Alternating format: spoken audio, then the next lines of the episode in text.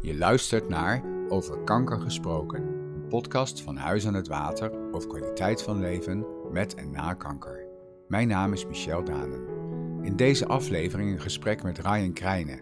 Ryan is bewegingswetenschapper en heeft zich gespecialiseerd in programma's voor mensen die veel last hebben van stress, bijvoorbeeld door een ernstige ziekte. Sinds vijf jaar begeleidt hij bij Huis aan het Water mensen die getroffen zijn door kanker.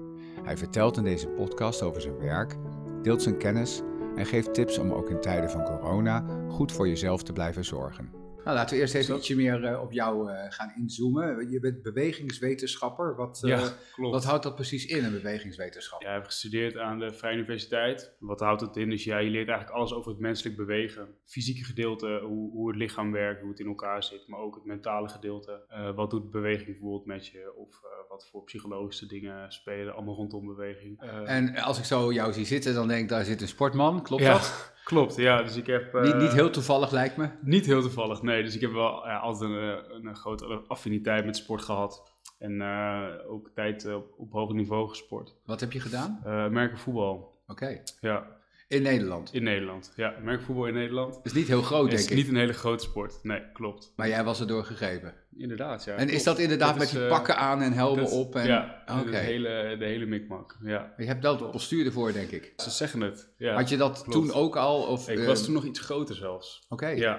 Heb je veel ja. getraind om daar uh, goed in te zijn? Ik heb wel uh, wat uurtjes gestoken, ja. En dat betekent ja. in sportscholen of zo? Ja, sportschool, trainingen, ja, conditietraining. Uh, maar ook wel, ja, hoe noem je dat? Zelfstudie of zo, want het is een hele tactische sport. Ja. Dus er zit ook wel ja, veel tactiek achter. Wat was jouw rol in het team?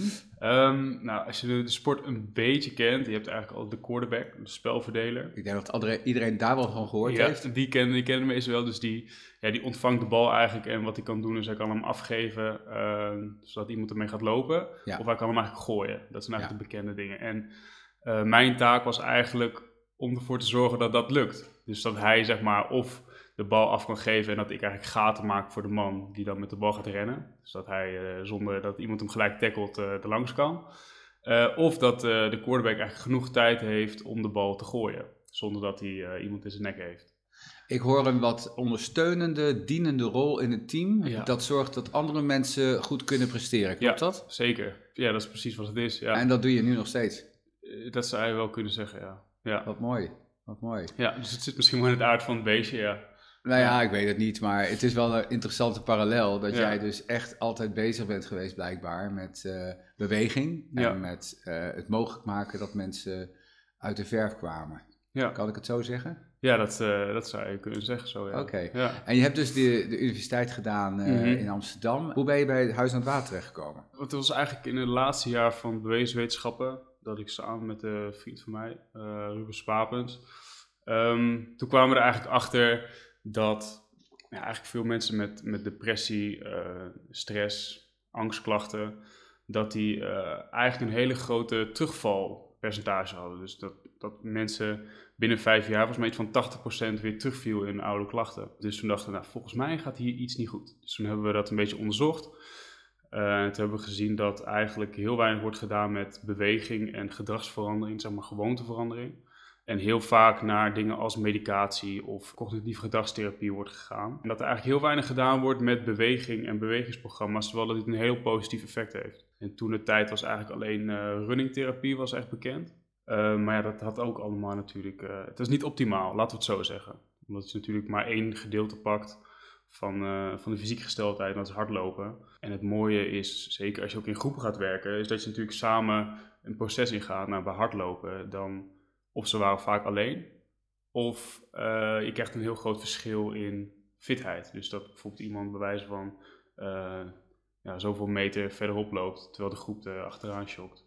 Bij wijze van. Ja, of andersom inderdaad. Ja. Dus dat is natuurlijk niet wat je wil, want nee. het gaat ook nee. om samen zijn, Ja. zo te horen. Ja.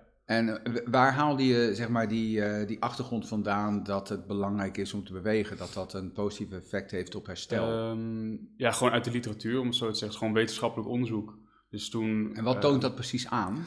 Uh, door beweging komen eigenlijk heel veel goede stoffen vrij. Stoffen die vergelijkbaar zijn, of eigenlijk dezelfde zijn als die ook bijvoorbeeld in antidepressiva zitten. Uh, dus je hebt je, bijvoorbeeld je, je, serotonine en je dopamine. Dopamine is gelukshormoon. Ja. En serotonine kan je een beetje zien als een politieagent van het brein. Dus die houdt een beetje alle uitschieters onder controle.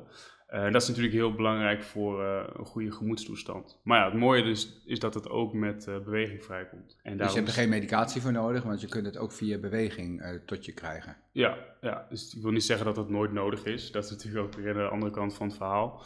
Um, maar je kan heel veel bereiken met beweging. Ja, zeker met sporten. Um, en zeker als je nog een stapje verder gaat met nog andere eigenlijk ja, basisfacetten van een gezond leven, om het zo te noemen. Ja, ik snap het.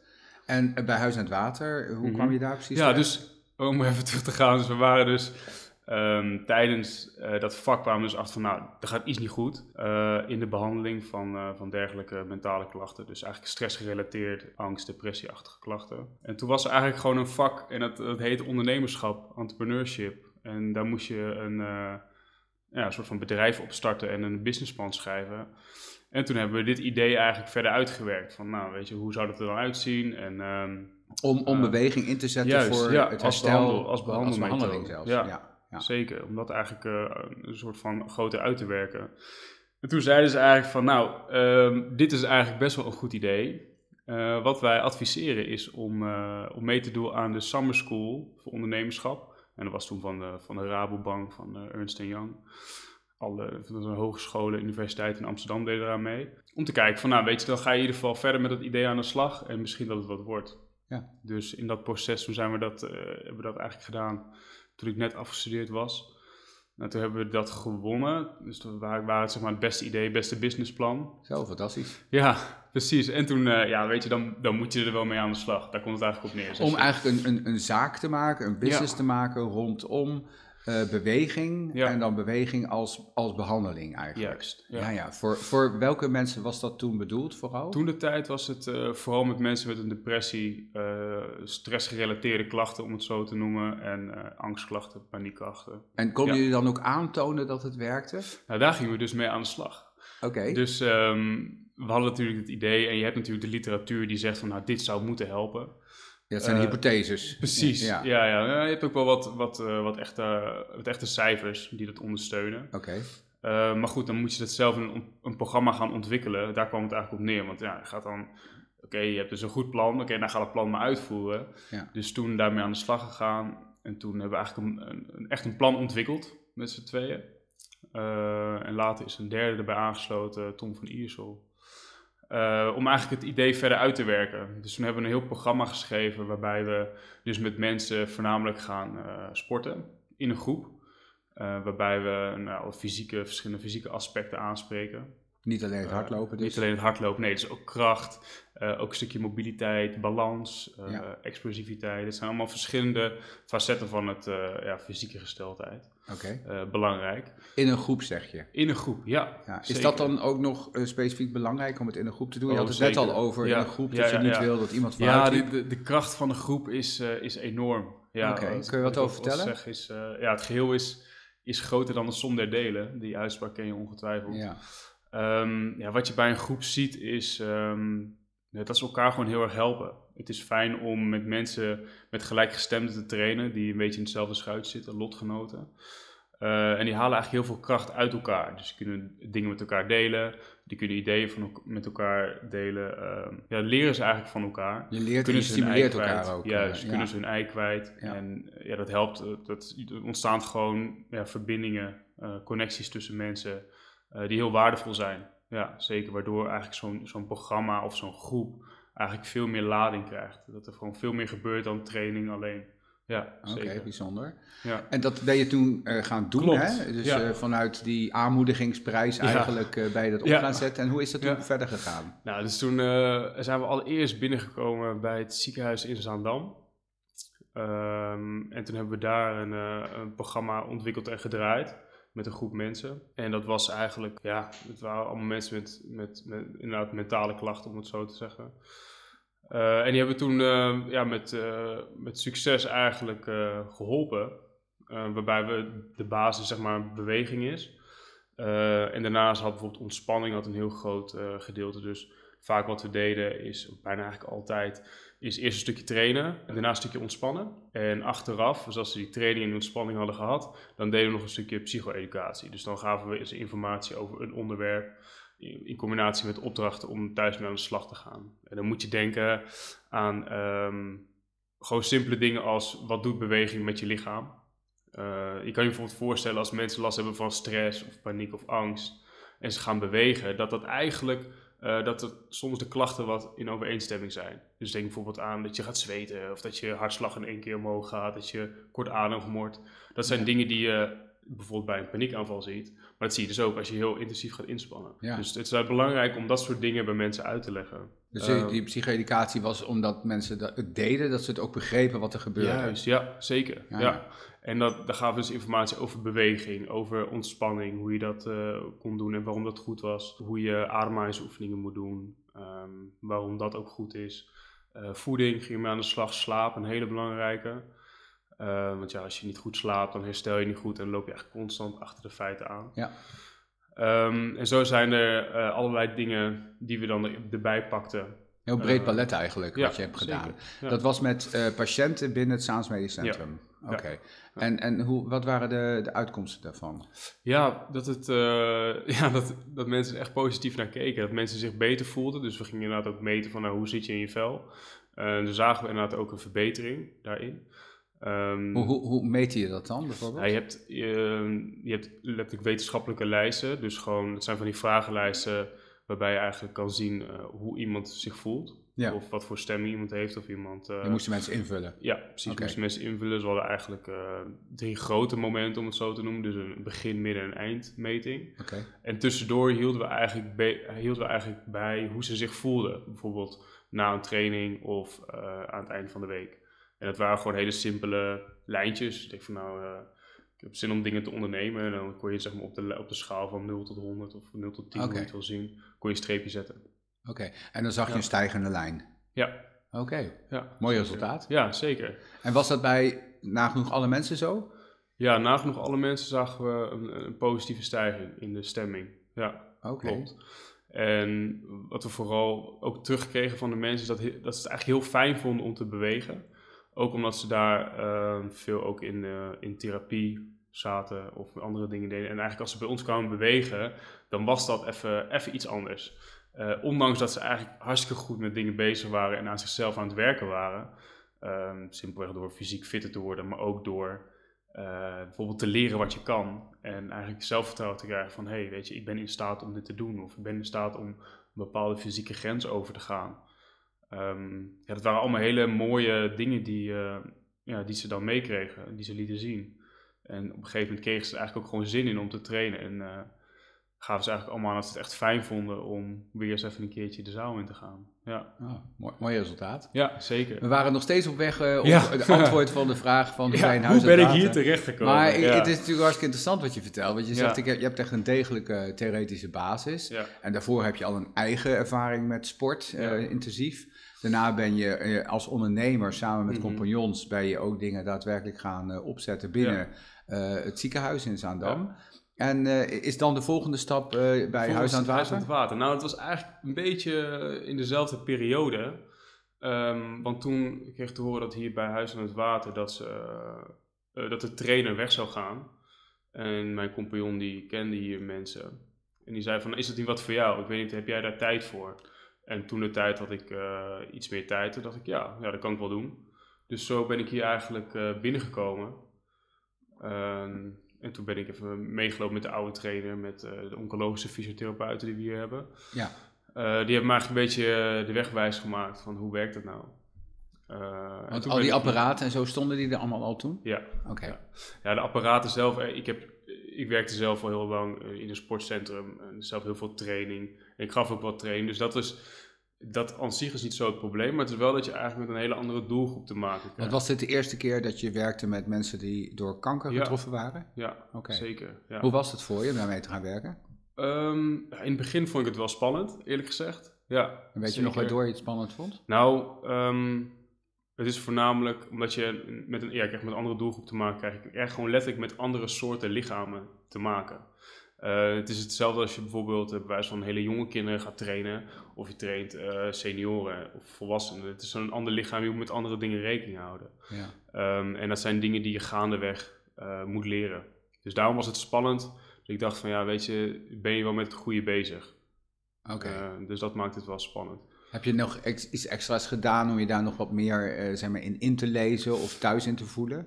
Ja, ik heb ik heb voornamelijk um, natuurlijk eerst meegelopen met de vorige trainers en daar heel veel informatie uit gehaald.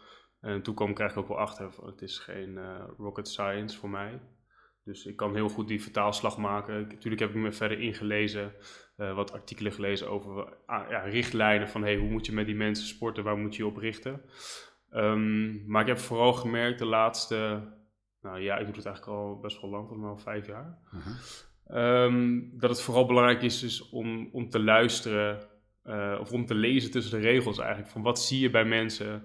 Uh, hoe reageer ze op de training? Wat moeten ze wel doen? Wat moeten ze niet doen? En op een gegeven moment herken je eigenlijk dat bepaalde dingen steeds vaker terugkomen. Okay. Uh, eh, dingen die je moet vermijden of dingen die je juist, juist moet stimuleren om te gaan doen omdat het zwaktes zijn, om, om het zo te zeggen. Want als ik dan kijk naar uh, sportscholen in Nederland, zijn natuurlijk de laatste jaren behoorlijk populair geworden. En als ik dan dat neem als uitgangspunt, wat maakt nou sporten voor mensen die uh, getroffen zijn door kanker anders dan de normale sportscholen of de normale trainingen in sportscholen? Uh, wat het anders maakt is ja, de fysieke belasting. Dus wat je bij deze doelgroep een beetje wil voorkomen is dat ze te zwaar belast worden. Uh, omdat het herstel wat langer duurt. Dus het zijn, uh, natuurlijk die lichamen hebben, om het zo te zeggen, heel veel meegemaakt. Ja. Uh, de mensen hebben, voor, om het zo, zo, te objectiveren, maar de mensen hebben natuurlijk heel veel meegemaakt. Um, en waardoor eigenlijk het herstel na een fysieke training wat langer is. En als je iemand heel zwaar gaat belasten, dan duurt het herstel eigenlijk te lang. En zo lang dat het eventueel zelfs op, tot schade zou kunnen leiden. Um, en dat wil je eigenlijk voorkomen. Dus je wil iemand niet te hard over de toeren heen jagen. Wel een beetje stimuleren, maar eigenlijk wel binnen bepaalde grenzen. Ja. snap het.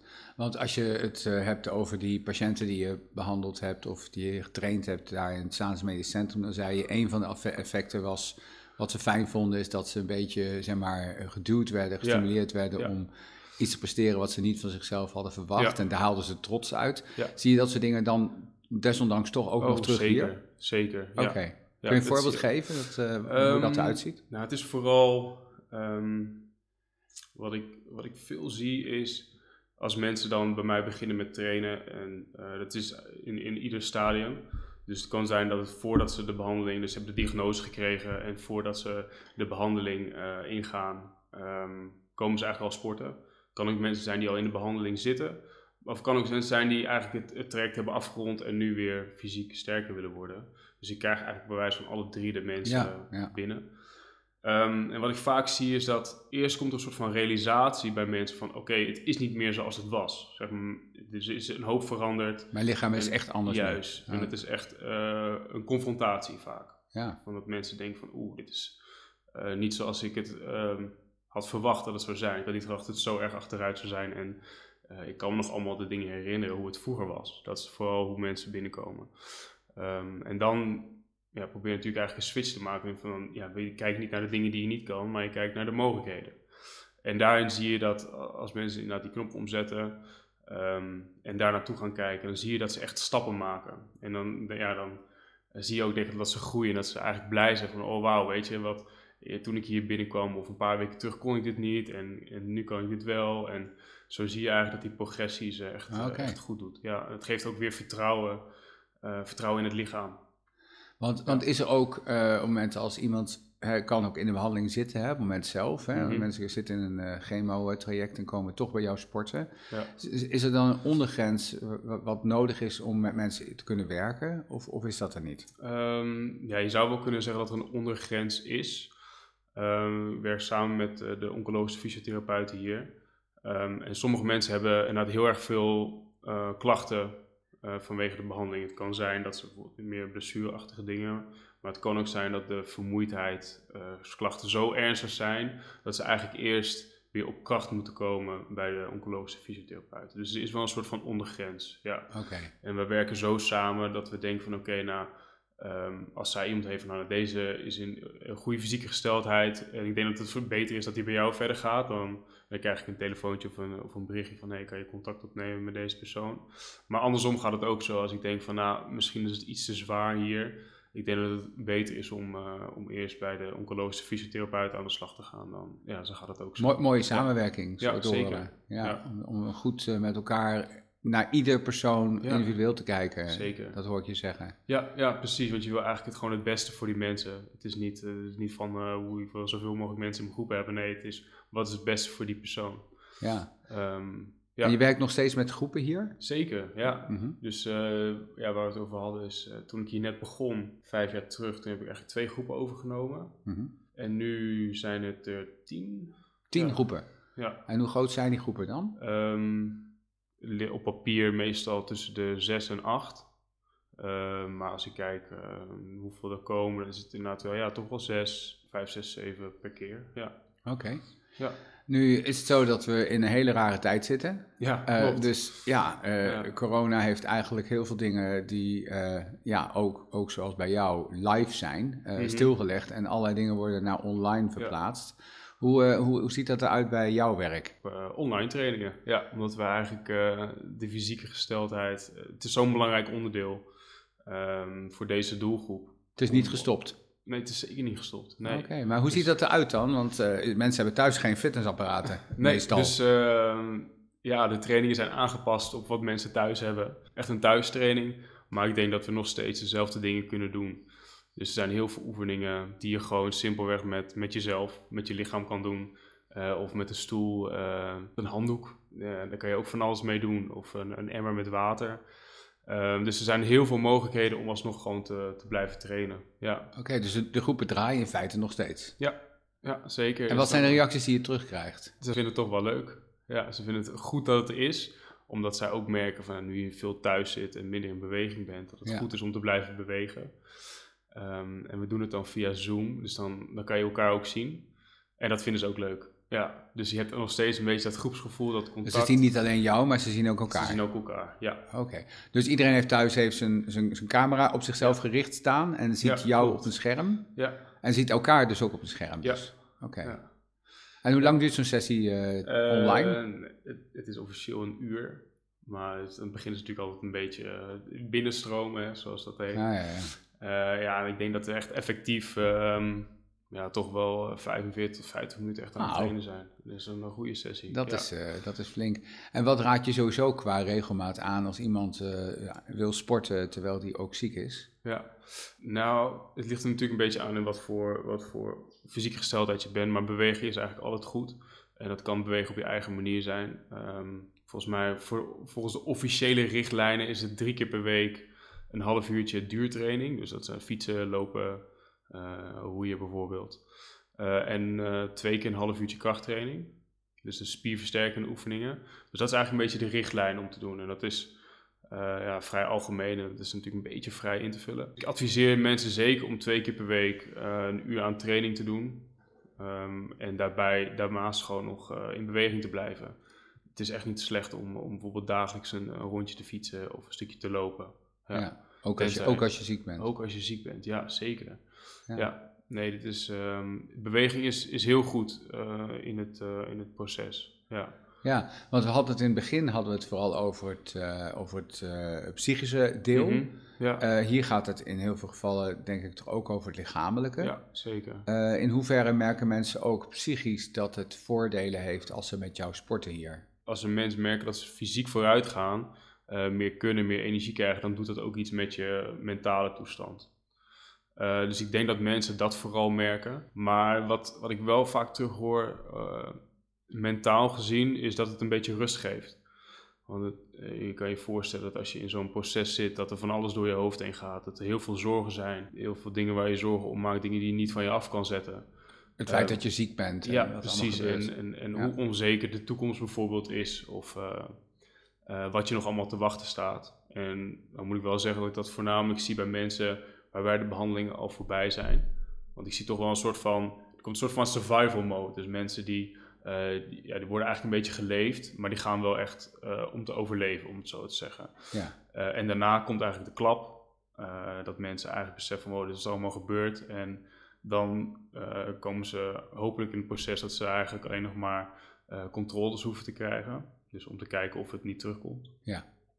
maar dat is een hele onzekere tijd. Dus iedere keer als er dan weer zo'n moment aankomt, dan ja, maken mensen zich eigenlijk heel erg zorgen. En zijn ze eigenlijk bang voor wat, zo, wat zoiets gaat komen. Ja. praten ze over ook met jou? Ja, ja ik vraag er ook wel naar. Dus af en toe, uh, af en toe dan, dan valt er wel zoiets van, ja, ik heb weer binnenkort weer een, uh, een controle. En dan weet ik eigenlijk al, ja, dat, dat doet wat met mensen. Met de een wat meer dan met de ander. Ja. Ligt natuurlijk ook aan hoe lang, dat, hoe lang het geleden is. Ja. Ehm, maar dat, ja, daar wordt over gesproken. Mensen praten met mij naar, uh, geven wat aan mij aan, maar ook onderling veel. Ja. Oké. Ja. ja. Maar om even terug te gaan naar wat merken ze dan mentaal, is dat zo'n training, um, zeker als je druk bezig bent met bepaalde oefeningen, zeker als het lastige oefeningen zijn, of wij noemen dat complexe bewegingen, zoals dat dan heet. Um, daar, daar moet je eigenlijk bij nadenken. Daar heb je aandacht voor nodig. En heb je zoveel aandacht voor nodig dat je niet kan denken aan al die andere vervelende dingen. En, op die dat maakt een soort pauze eigenlijk. ja, ja, tot dat rust geeft een soort van rust in je hoofd. Ja, Dat is dus ook inderdaad de kracht van bewegen met mensen met, uh, met mentale klachten. Is dat het eigenlijk een soort van rust in hun hoofd brengt. Ja, ik snap hem. Zo werkt het. Wat zou je nog verder willen ontwikkelen vanuit jouw eigen expertise en bijdrage in de ondersteuning van mensen die getroffen zijn door kanker? Heb je nog toekomstplannen wat dat betreft, wat, betreft je aanbod? Ja, zeker. Um, dus waar ik in het begin over vertelde, is over dat programma wat we hebben ontwikkeld. En we hebben dat hier ook bij het huis gedaan, want wat, precies waar we het net eigenlijk over hadden, is ik zie dat mensen uh, ook veel mentale klachten hebben, tegen dingen aanlopen. Uh, zeker na de behandelingen. Dus vooral als ze dan hun dagelijks leven willen hervatten, dat ze dan tegen dingen aanlopen. Um, en om die reden hebben we eigenlijk ook dit programma, wat we toen geschreven hebben, eigenlijk omgeschreven naar uh, deze doelgroep, mensen met kanker. Uh, een aantal keer ook succesvol een programma gedraaid. En inmiddels zijn we eigenlijk overgestapt, of tenminste hebben we, onze, we zijn meer gaan richten op het online programma. En dat is eigenlijk hetzelfde idee, alleen dan online. En dan kunnen mensen het dus in hun eigen tijd doen. Was je daar al mee bezig of heeft dat hele corona uh, nou, we waren eigenlijk al mee bezig. Ja. Oh, je dus, was het aan het doen? Ja, dus we waren er al mee bezig en we hebben het al ontwikkeld en we zijn nu uh, in de laatste fase van de test. Ja, dus daar zijn we eigenlijk nu mee bezig. En deze tijd, ja, klinkt misschien raar, is misschien de, de goede tijd om, uh, om hier wat verder mee aan de slag te gaan. Wat meer energie in te steken. Ja, dus we, we hebben het programma, dit is voornamelijk geschreven voor mensen met stressklachten. Of hoe ga je eigenlijk om met stress en hoe kun je daar beter van herstellen en uh, ja, weerbaarder worden tegen toekomstige stress. Maar stress is eigenlijk een heel breed begrip. Ja. En uh, of je nou zorgen maakt om je werk uh, en werkdruk en werkstress ervaart, of het is iets over je gezondheid um, en uh, de onzekerheid van de toekomst. Het is allebei een vorm van stress. En als dit te ver doorslaat, dan kan het zorgen voor eigenlijk mentale klachten, om het zo te noemen dan kun je denken inderdaad ook aan, aan angstklachten, depressie, uh, burn-out-achtige verschijnselen.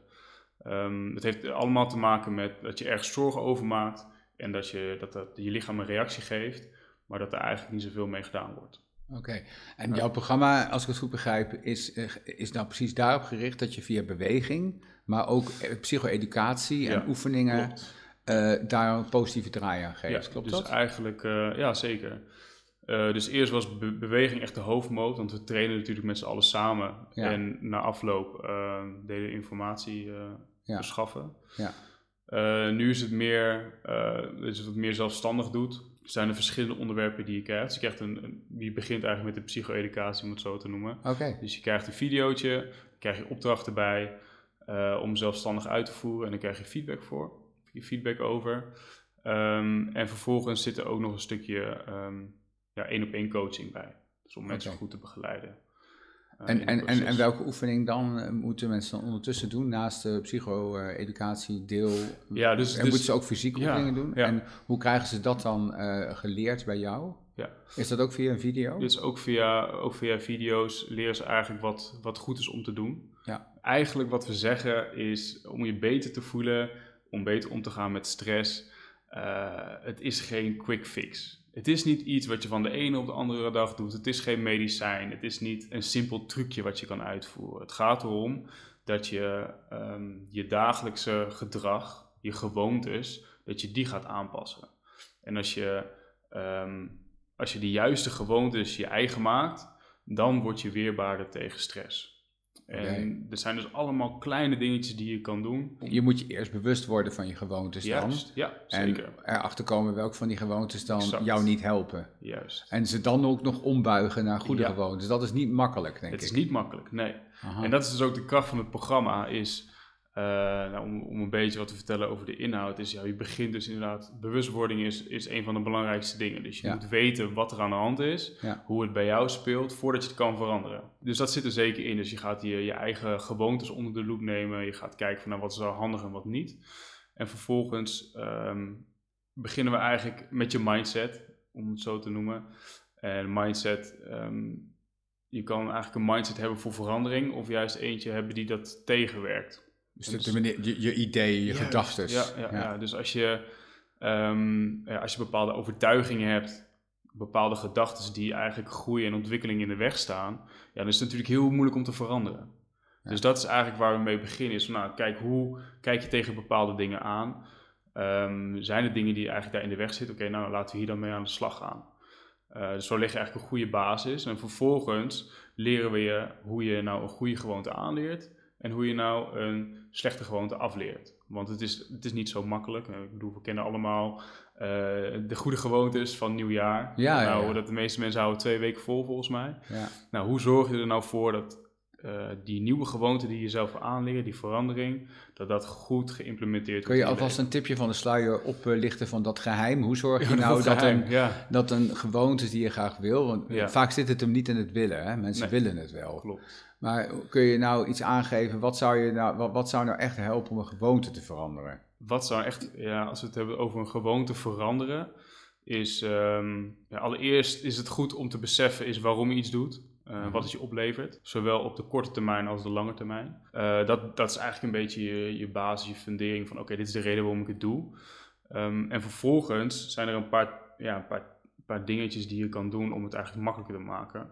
En een van die dingen, eigenlijk het belangrijkste, laat het zo zeggen, is herhaling. Als je iets je eigen wil maken, moet je het herhalen, herhalen, herhalen, herhalen, herhalen. En dat is waar het fout gaat.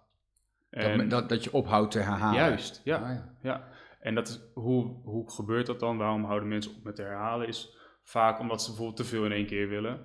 Wat ik heel vaak tegenkom mensen die willen gaan sporten. Of mensen die meer ontspanningsoefeningen, eh, mediteren. Wat gaan ze Ja, ik ga, ik ga vier, vier, vijf keer per week ga ik naar de sportschool toe. Ja, is leuk, maar dat kan ik nu al vertellen. Dat hou je vier weken vol, maximaal. En dan is het klaar. Dan is het al knap eigenlijk Ja, dat je het volhoudt. Precies, Ja, ja. ja. Of als Dus de stappen zijn te groot. zeg Stappen zijn te groot, ja. Stappen zijn te groot. Mensen willen te veel in één keer.